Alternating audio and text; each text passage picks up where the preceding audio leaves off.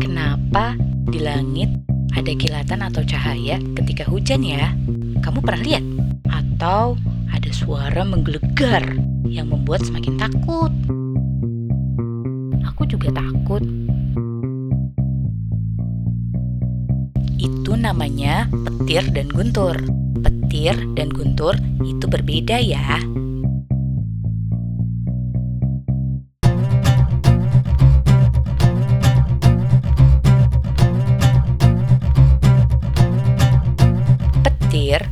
Atau kilat atau dapat juga disebut halilintar adalah salah satu gejala alam di saat musim hujan yang memunculkan kilatan cahaya sesaat yang menyilaukan.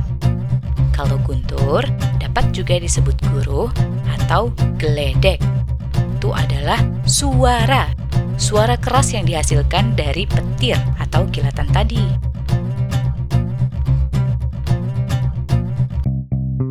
Sebelum ada guntur, biasanya ada kilatan terlebih dahulu. Jadi, kalau kita melihat cahaya saat hujan atau kilatan seperti cahaya di langit itu, kamu bisa langsung tutup telinga dengan tangan agar suara menggelegarnya tidak terlalu terdengar kencang.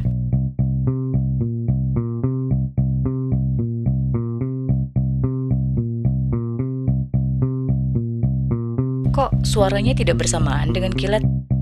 Itu dikarenakan adanya perbedaan kecepatan cahaya. Diperkirakan sebesar 190.000 mil per detik. Kalau ayah berkendaraan, mungkin antara 60 km per jam. Ini per detik loh. Wah, cepat sekali. Belum lagi kecepatan suaranya. Kecepatan suara sebesar 1000 kaki per detik. Wah, dahsyat sekali ya.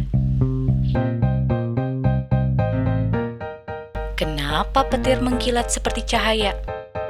Karena petir terdapat muatan-muatan listrik yang sangat besar. Coba kamu lihat lampu. Lampu terang kan? Karena ada muatan listriknya. Tapi tidak sebesar muatan pada petir. Petir menciptakan medan listrik yang sangat kuat dan suhunya juga sangat panas. Sekitar 27.760 derajat Celcius atau seperti 277 kali panas air mendidih yang mama masak. Ih, panas banget ya. Maka dari itu, kita harus menjauhi tempat-tempat yang sering terkena sambaran petir saat hujan, seperti di atas gunung, di atas bukit, pantai, lapangan terbuka, sawah. Karena tempat terbuka seperti itu merupakan tempat yang mudah bagi petir untuk melepaskan muatannya. Suara guntur kok bisa kencang? Suara guntur, buruh, atau geledek bisa menggelegar karena ketika hujan terdapat muatan-muatan listrik positif dan juga muatan listrik negatif yang berada dalam awan dan bertubrukan dengan jumlah yang sangat besar. Muatan positif dinamakan proton dan muatan negatif dinamakan elektron.